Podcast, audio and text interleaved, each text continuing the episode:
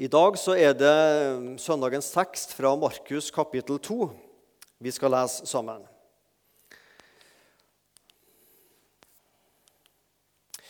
Noen dager senere kom Jesus igjen, igjen til Kapernaum, og det ble kjent at han var hjemme. Straks samlet det seg så mange mennesker at de ikke fikk plass, ikke engang ved døren. Og han talte ordet til dem. De kom da til ham med en som var lam, som ble båret av fire mann. Pga. folkemengden kunne de ikke få båret ham fram til Jesus. De brøt da opp taket over stedet der han var, og da han hadde fått en åpning, firte de ned sengen som den lamme lå på. Da Jesus så deres tro, sa han til den lamme, 'Sønn, dine synder er deg forlatt.' Men noen av de skriftlærde satt der og tenkte i sitt hjerte, hvordan kan han tale slik? Han spotter Gud. Hvem kan forlate synder uten én? Og det er jo Gud. Straks merket Jesus i sin ånd at de tenkte slik ved seg selv, og han sa til dem, 'Hvorfor tenker dere slik i deres hjerter?' Hva er lettest å si til en lamme, 'Dine synder er deg forlatt', eller å si, 'Stå opp, ta din seng og gå'? Men for at dere skal vite at menneskesønnen har makt på jorden til å forlate synder, og nå taler han til den lamme. Jeg sier deg, stå opp, ta din seng, gå hjem til ditt hus. Og han sto opp, tok straks sengen og gikk ut foran øynene på dem alle. Så alle ble ute av seg av undring. Og de priste Gud og sa, slikt har vi aldri sett. Dagens tekst, søndagens tekst er nok litt forskjellig fra de to andre som Sissel las i innledning. For denne teksten fra første Mosebok og fra Romerbrevet handler om hvordan vi får et rett forhold til Gud og blir rettferdig. Denne teksten her handler mer om helbredelse. Men samtidig så er det et fellesskap mellom de tekstene, fordi at denne teksten handler også om å få et rett forhold til Gud. Jesus ønsker å vise oss noe. Jesus har noe han vil bevise. I denne teksten så vil Jesus vise og bevise at han er Guds sønn, han er Messias, nettopp ved at han helbreder. Han vil vise og bevise at han er Gud. Og fordi han er Gud, så kan han tilgi synd. For det er det bare Gud som kan. Og Jesus vil vise og bevise at han, som Trygve Bjerkerheim sier en sang, Jesus tar seg av den ene. Han kan ta seg av den ene i mengden. Så jeg har rett og slett tenkt at vi skal som vi har gjort nå, lese teksten sammen og gå gjennom vers for vers. Jesus står fram som Guds sønn, vers 1 og 2. Noen dager senere kom Jesus igjen til Kapernaum, og det ble kjent at han var hjemme. Straks samlet det seg så mange mennesker at de ikke fikk plass, ikke engang ved døren og han talte ordet til dem. Vi er helt i starten av Jesu virke. Dette er jo kapittel 2 i Markus. I kapittel 1 så har Jesus blitt døpt av døperen Johannes. Jesus har kalt disipler. Jakob, Johannes, Peter og Andreas.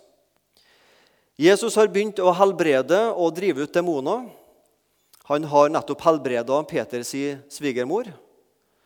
Og det er det jo mange som har liksom mala ut på forskjellige måter. Til og med Jesu helbredelse gjelder også svigermødre. og En annen en, Det er kun én måte å få svigermor på. Peter var gift, men da har du også fått ei svigermor. Og mange sånne. Men det skal jeg ikke snakke om. Men Jesus har altså starta på sitt offentlige virke, og han har begynt å helbrede mennesker. Til og med på sabbaten. Og Det var jo provoserende for fariserene og de skriftlærde. Tenk å bruke lørdagen på å, å, å, helbrede. Det kan man jo gjøre seks dager ellers i uka, sa de til Jesus. Hvorfor på sabbaten? ja, ja. Jesus svarte dem på det. Jesus er hjemme. Og hjemme hos Jesus det er enten noen uttaler Kapernaum eller Kapernaum. Han var altså da født i Betlehem, hadde en liten tur til Egypt pga. forfølgelser. Så tilbake til Nasaret, og da i voksen alder så flytta han da opp til Kapernaum og bodde der. Det var postadressa til Jesus. Og Dette ryktet om Jesus har da begynt å gå ut. Han helbreder mennesker, driver ut demoner. Og at det blir rykter av sånn, det skjønner vi rimelig godt. Så mange mennesker begynte å samle seg. Han forkynte ordet. Og jo, jo mer og mer Jesus forkynte, jo flere og flere mennesker ble det samla om han. Det er stikk motsatt av meg.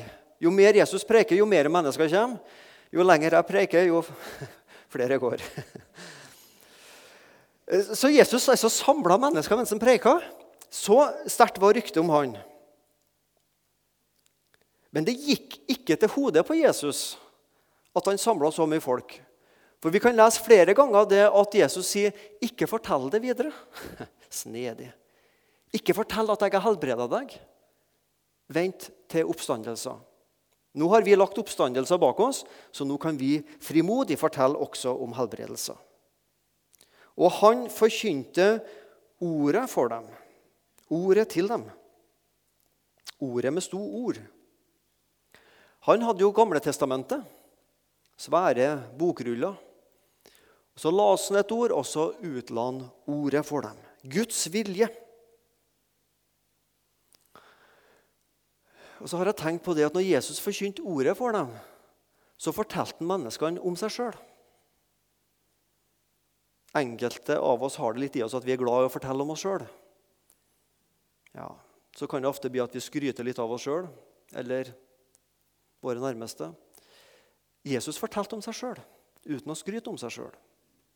For ordet for Gammeltestamentet handler jo dypest sett om Jesus. For det handler jo om Guds redningsaksjon overfor det falne mennesket, og at Gud skal sende en Messias, og Jesus er Messias. Så når Jesus taler ordet til dem, så forteller han om seg sjøl, hvem han er. Og Så begynner man å bære syke til Jesus. De kom til ham med en som var lam, som ble båret av fire menn. Pga. folkemengden kunne de ikke få båret ham fram til Jesus. De brøt da opp taket over stedet der han var, og da de hadde fått en åpning, firte de ned sengen som den lamme lå på. Vers 3 og 4. Alle fire evangeliene, Matteus, Markus, Lukas Johannes, forteller om helbredelse. Det var en av de vanligste årsakene ja, Det var nok den vanligste årsaken til at folk kom til Jesus. Mer vanlig enn at folk hadde syndenød, var det at de hadde sykdom og kom til Jesus for å bli helbreda. Og Mange var jo rimelig desperate fordi de var syke. Hadde jo ikke et sånn utbygd helsevesen som vi har i det moderne samfunn. Så man prøvde alt for å komme til Jesus for å bli frisk. Og man hadde dette håpet får jeg bare komme til Jesus, så ordner det seg. For jeg har hørt rykte om så mange andre mennesker som er kommet til Jesus med sin sykdom, og blitt lega. Man prøver alt for å komme fram til Jesus, og det er jo flott. Nå har ikke jeg vært mye plaga med sykdom, men vi kjenner vel alle noen som har vært det, eller som er plaga. Og det er forståelig at man prøver det aller meste for å bli frisk. Og vi har gode leger, vi har alternativ medisin som også fungerer for noen. Og så prøver man kanskje enkelte ganger healing og andre sånne ting som er enten er seriøse eller useriøse. Og Det er forståelig at man vil prøve det beste for å bli frisk. Hvem av oss har ikke villet gjort det i en sånn situasjon?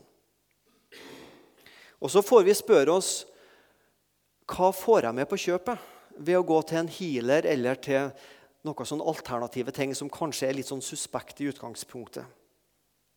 Hva slags ideer står bak? Hva slags tanker får vi med på kjøpet?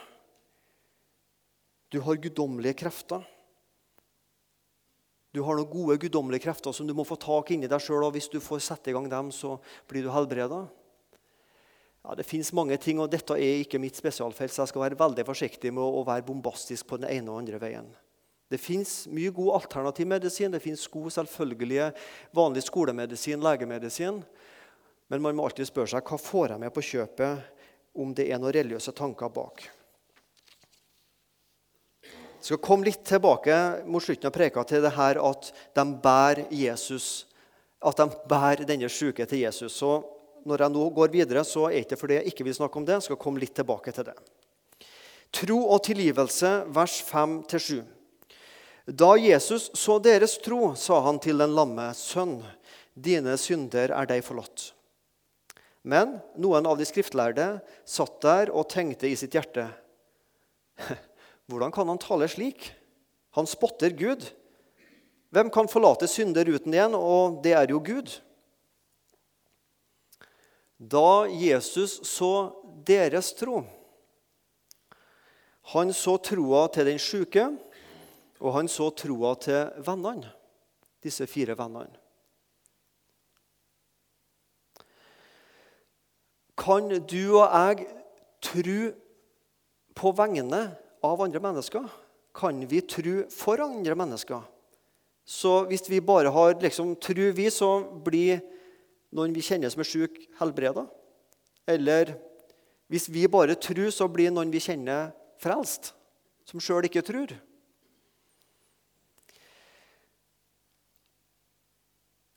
Vi kan ikke tro for andre. Men vi kan tro med andre. Og vi kan bære andre til Jesus i tro. Jeg har hørt om mormonere. De har en sånn ordning at du kan døpe deg for døde slektninger. Høres veldig rart ut. Altså på en måte at du kan gjøre en religiøs ting som da andre skal ha fordel av. Altså, jeg kan For mine ikke-frelste i familie og slekt så kan jeg tro for dem, så blir de frelst. Nei. Vi kan ikke sånn sett tro på vegne for andre. Men vi kan stå sammen med og gå sammen med andre til Jesus i tro. Slik kan vi tro med andre, og vi kan bære andre i tro framfor Jesus men ikke tro for andre. Tro, tilgivelse. Det er jo et ordpar som er sterkt knytta sammen i Bibelen, og spesielt i Nytestamentet. Tro. Hva er tro? Jeg laga mange fine definisjoner på tro. Jeg tror kanskje den enkleste definisjonen det er tro, det er å komme til Jesus. Hvis du kommer til Jesus, så gjør du det i tro. Tro er å komme til Jesus. Det er å sette sin lit og sitt håp til Jesus. Det er å satse på at Jesus både kan og vil og har evnen til å tilgi de synd. Det er tro. Når jeg kommer til Jesus med min synd, så gjør jeg det fordi jeg tror på Jesus, at han kan gjøre noe med min synd. Disse fire som bar denne syke, de kom med en lam til Jesus. Og så er det som på en måte sier Jesus, her har vi et problem. Ordn det problemet for oss. Ja, og Jesus ordna det problemet. At du gjorde den lamme frisk. Men Jesus ser dypere, og han så at denne lamme har et større problem enn å være lam og sjuk. Hans største problem er hans synd. Og den, altså Synda den ser vi jo ikke på hverandre. Vi kan jo se på hverandre om man er lam, eller om vi har en annen sykdom. Iallfall hvis den er synlig. Hvis jeg har brekt armen min og kommer med den i fatle, så vil jo dere se at jeg har gjort det. Men dere kan ikke uten videre se på meg og vi kan ikke se på hverandre at vi har synd. For det ligger inni hjertet vårt. Men Jesus ser dypere, og han ser at dette mennesket sitt største problem og egentlige problem er synda. Han har altså ikke et rett forhold til Gud. Han må få gjort noe med det som stenger det forholdet, og det er ikke sykdommen, men synda. Sykdom setter oss ikke i et negativt forhold til Gud. Det gjør synda. Tro på Jesus, og Gud tar bort de og mi synde skyld. Og så reagerer disse fariseerne. Og det er jo forståelig at de reagerer. Altså, hvis en av oss har stått opp her i forsamlinga og sagt jeg har fått guddommelig makt til å tilgi de synders skyld, så ville jeg blitt rimelig overraska hvis ingen av oss reagerte. Selvfølgelig ville vi ha reagert. Og vi ville sagt 'Hvem tror du at du er?' Og det er jo bare Gud som kan tilgi synd. Altså, altså Det er en helt naturlig reaksjon som fariseerne og de skriftlærde har. Det er jo det. Vi mennesker kan jo også tilgi. Og vi bør tilgi. Hvis noen har gjort noe galt mot oss og ber om tilgivelse, så kan og bør vi tilgi. Men vi kan aldri tilgi den skylda, den guddommelige skylda som synda forårsaker. Det kan bare Gud sjøl tilgi. Vi tilgir og bør tilgi. Og så har vi denne evnen at vi gjemmer på det. ikke sant? Vi tilgir og gjemmer, mens Gud tilgir og glemmer. Vi er ofte flinkere, vi mennesker, enn Gud å huske på synd. Gud går rundt og husker på sine løfter. Løftene de kan ikke svikte. Det må huske Gud på. Men vi er flinkere vi å gå rundt og huske på mennesker, iallfall andre mennesker sine synder. Gud glemmer de syndene når de er tilgitt. Oppgjort synd er aldri noe problem for Gud.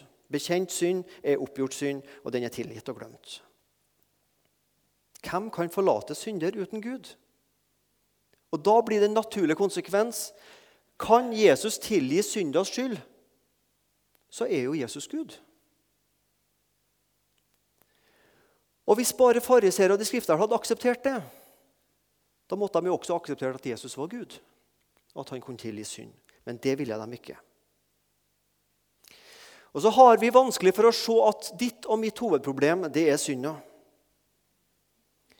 Og Når jeg ser synda mi, så er det ikke sånn automatisk med oss mennesker at vi går til Gud med det.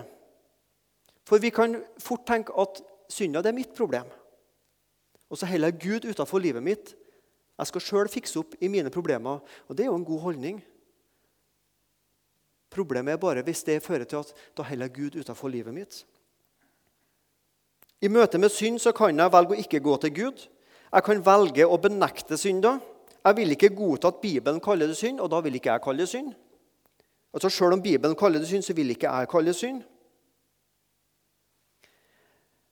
Jeg kan ha problemer med å se at det har med Gud å gjøre, og at det har med Guds ord å gjøre, at jeg bryter Guds ord. I møte med synd så kan jeg begynne å unnskylde meg. Ja, men situasjonen ble jo bare sånn. Omstendighetene var jo sånn at det var jo helt naturlig å gjøre det. Jeg mener, arv og miljø Hvis jeg bare hadde andre foreldre og vokste opp i et bedre miljø, så hadde ikke jeg gjort det der. Så begynner vi å unnskylde oss.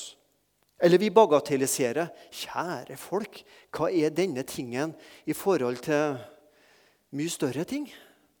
Som vi leser om i avis og ser på TV-en. Er dette så stort å bry seg om, da, Gud? Så bagatelliserer vi synda. Eller vi begynner å sammenligne oss. Ja vel, det er synd, men eh, Kjære folk, jeg som mener han og hun ja, De er jo større syndere enn meg, så jeg kommer jo rimelig godt ut i sammenligning med dem. Når vi sammenligner oss, så blir vi enten hovmodige eller mismodige. Hvis vi sammenligner oss med folk som er verre enn oss, så blir vi hovmodige. Sammenligner vi oss med folk som gjør det bedre enn oss, så blir vi mismodige. Det har ingen fordeler i å sammenligne oss. Slik kan vi møte synder, bagatellisere, unnskylde, sammenligne oss osv., benekte. Synd er vårt største problem og var det største problemet også for denne mannen. Men de gikk til Jesus med det. Og så helbreder Jesus. Vers 8-12. Straks merket Jesus i sin ånd at fariseere og skriftlærde tenkte slik ved seg selv, og han sa til dem.: Hvorfor tenker dere slik i deres hjerter? Hva er lettest å si til den lamme? Dine syndere er deg forlatt? Eller å si, stå opp, ta din seng og gå? Men for at dere skal vite at menneskesønnen har makt på jorden til å tilgi synder Og nå taler Jesus til den lamme. Jeg sier deg, stå opp, ta din seng, gå hjem til ditt hus. Han sto opp, stra, eh, tok straks sengen sin, gikk ut for øynene på dem alle så alle ble ute av seg selv av undring. Og de priste Gud og sa, slikt har vi aldri sett. Jesus ønsker å vise og bevise for de skriftlærde at han er Gud, nettopp ved å tilgi. Og Jesus vil vise og bevise at han kan sette mennesker før menneskelige bud. Jesus helbreda på sabbaten. Og nå er jo selvfølgelig ikke sabbatsbudet eh, et menneskelig bud. Det er jo Guds bud. Du skal holde hviledagen, sabbaten, hellig. Men så hadde altså fariseere og skriftlærde laga seg så mange regler rundt dette her, at det provoserte dem at Jesus helbreda på sabbaten. Men Jesus svarte dem hvis en av dere har et dyr som detter i ei grøft sjøl på sabbaten, dere lar ikke dyret ligge der til dagen etterpå. Da er det sannsynligvis dødt. Hvis dere vil komme og dra det opp. Dere tar det jo opp. Eller hvis dere har et barn som detter i ei grøft, eller noe sånt, dere drar jo barnet opp og hjelper det sjøl om det er på sabbaten. Og dere gjør et arbeid. Slik er menneskesønnen herre over sabbaten. Sabbaten ble til for mennesket sin del, og ikke mennesket for sabbaten sin del. Jesus helbreder. Og Jesus helbreda mange mennesker. Skulle vi ha klippa vekk alle plassene i evangeliene der Jesus helbreda mennesker, har du fått en atskillig kortere bibel. Markusevangeliet, som vi nå leser fra, i kapittel 1-10, så er det kun i kapittel 4, som er et lignelseskapittel, det er kun i det kapitlet at ikke Jesus helbreder noen. Og Fra kapittel 11 ut så er det om den siste påska, om Jesu død oppstandelse. Så evangeliene er full av helbredelsesfortellinger og demonutdrivelser. Hvorfor helbreder Jesus? Gud har omsorg for sin skapning. Han har omsorg for mennesket. For vår ånd og vårt åndeliv, men også for kroppen. Ikke en spurv til jorden uten at Gud vet det. Og tar Gud seg av spurver, så tar han sannelig av seg mennesker. Gud, Jesus helbreder for å vise at Gud har omsorg for deg og meg. Jesus helbreder for å vise at Guds rike, Guds krefter og vilje, det er blant menneskene. Guds rike er nær, sa Jesus. Og Dere skal få erfare og oppleve at Guds rike er nær ved at syke blir helbreda. Dere skal få en forsmak av himmelen, slik det en dag skal bli.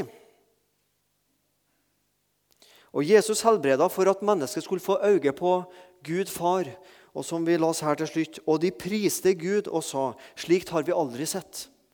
Det førte til en tilbedelse av Gud fordi Jesus helbreda.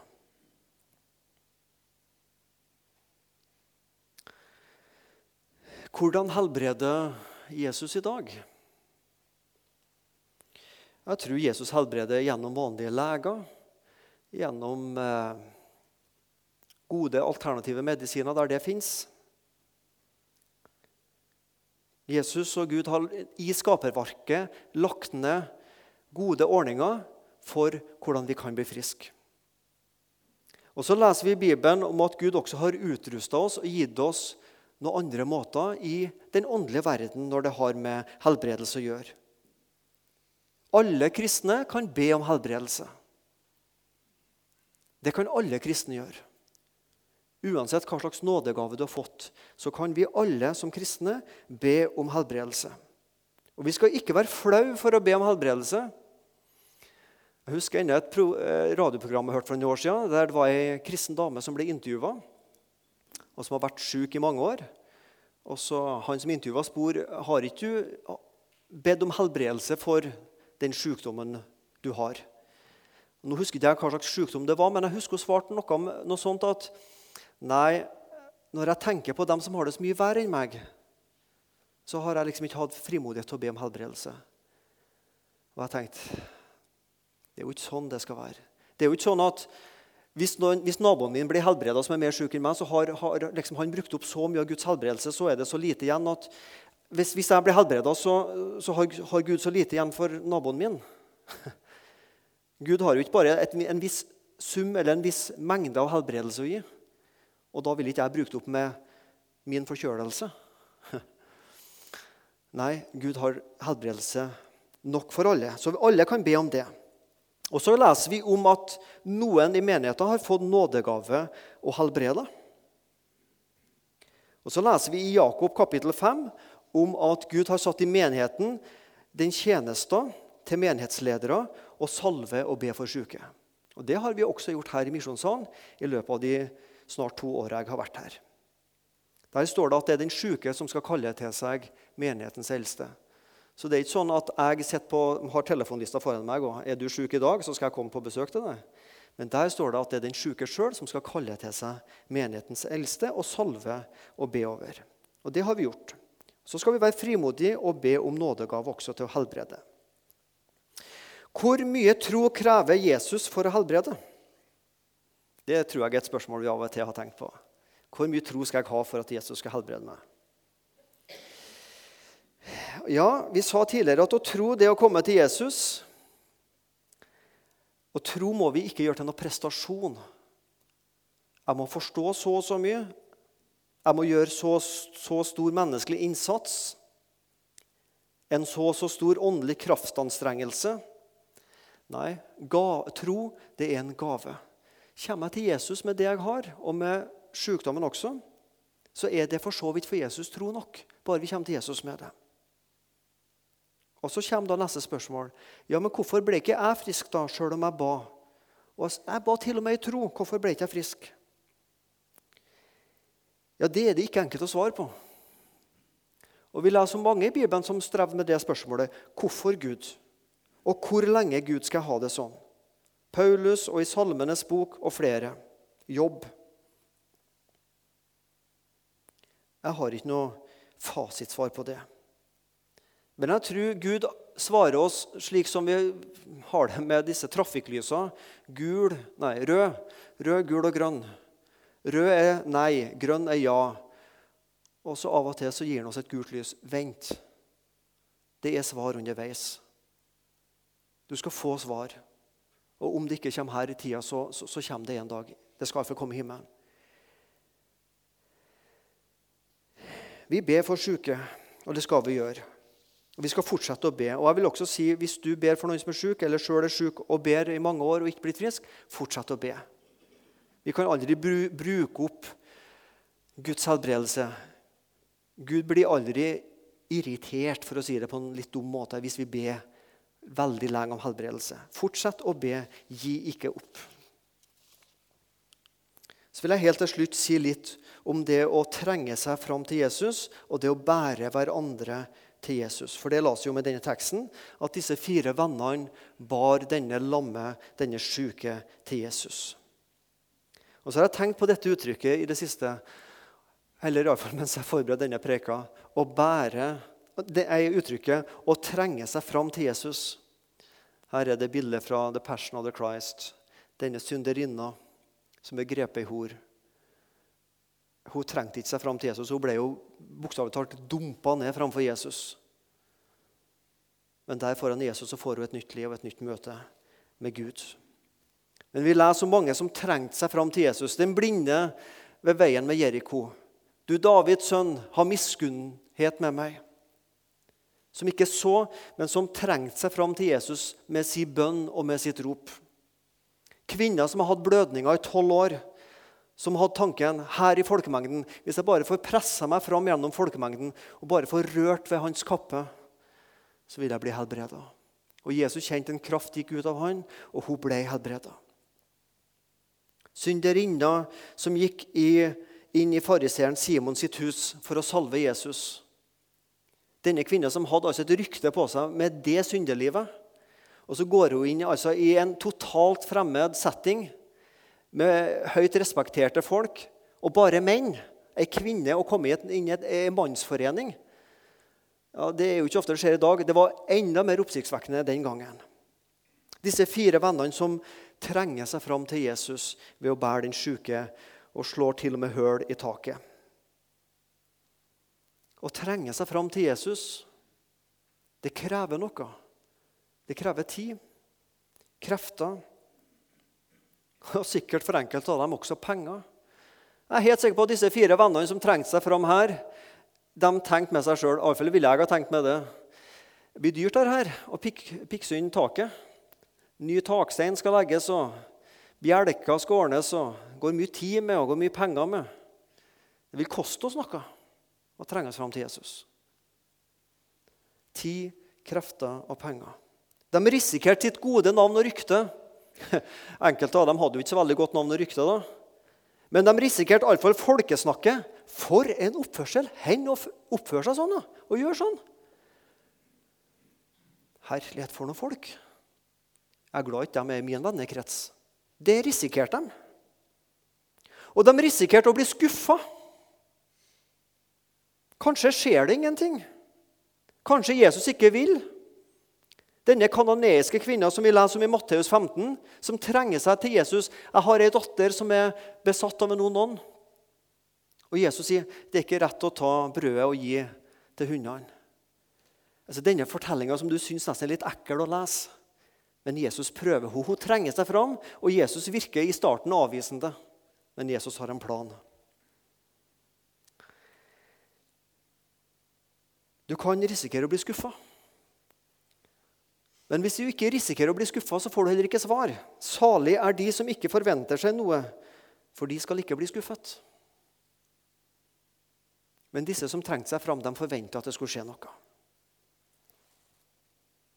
Og Så sier Jesus til flere av disse.: En slik tro har jeg aldri møtt før. Kvinne, din tro er stor. Det skal skje deg som du vil. Å trenge seg fram til Jesus. Har du gjort det i det siste? Eller går det på det jevne, som det heter på Jæren? Det går liksom på det jevne. Det blir litt rutine over bønnelivet og de samme bønnene. og Kryssa på den samme lista hele tida. Ja, ja, det er fint, det.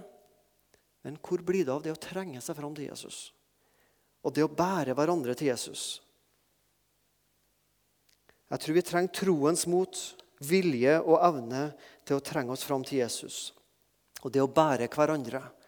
Og Da skal vi også være så konkrete og tenke jeg får bære de i min familie og slekt som ennå ikke tror på Jesus, og det er noen av dem.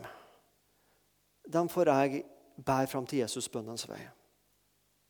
Jeg har båret mine søsken og foreldre i mange år. I veldig mange år. Jeg var i mange mange år den eneste i min familie som var en bekjennende kristen. Så har jeg båret dem fram, og så har noen av dem tatt et standpunkt for Jesus nå. Og det er jeg glad for. Så får vi bære våre ufrelste fram i bønn. Vi får bære våre sjuke i familie, slekt og naboer og venner og i forsamlinger fram for Jesus i bønn. Og så bøyer vi kne, enten konkret eller iallfall i ånden, og så bærer vi dem fram. Og så sier Jesus, 'Stå opp. Ta din seng, gå hjem til et nytt liv.' Stå opp, ta din seng. Og en par plasser så står det også ta, Stå opp, ta din seng, re din seng, står det til og med. Det var når Jesus helbreda menn, så sto det 're senga di'. For liksom Jesus ville lære opp mennene til å re opp senga si. Ikke forvente at kona di skal gjøre det. Det står en par plasser av det. Ikke her, men en par andre fortellinger. Stå opp, re senga di, ta senga di, gå hjem til et nytt liv sammen med Jesus. Og fortsett å bære. Hver dag.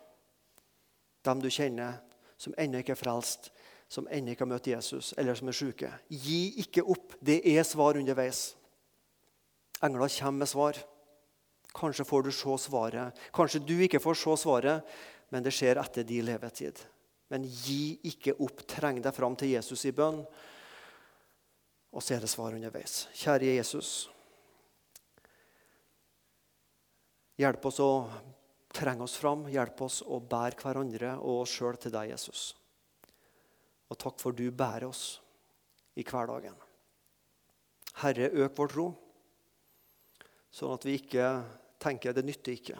Det er ingen vits. Vi blir bare skuffa. Det skjer ingenting. Og så gir vi opp. Men at vi kan ha tro Jesus til å på nytt gå fram for deg med frelse og med helbredelse og med hva det nå er Jesus som vi kjenner at vi trenger, og trenger oss på deg fram. Fram til deg med Jesus. I Jesu navn. Amen.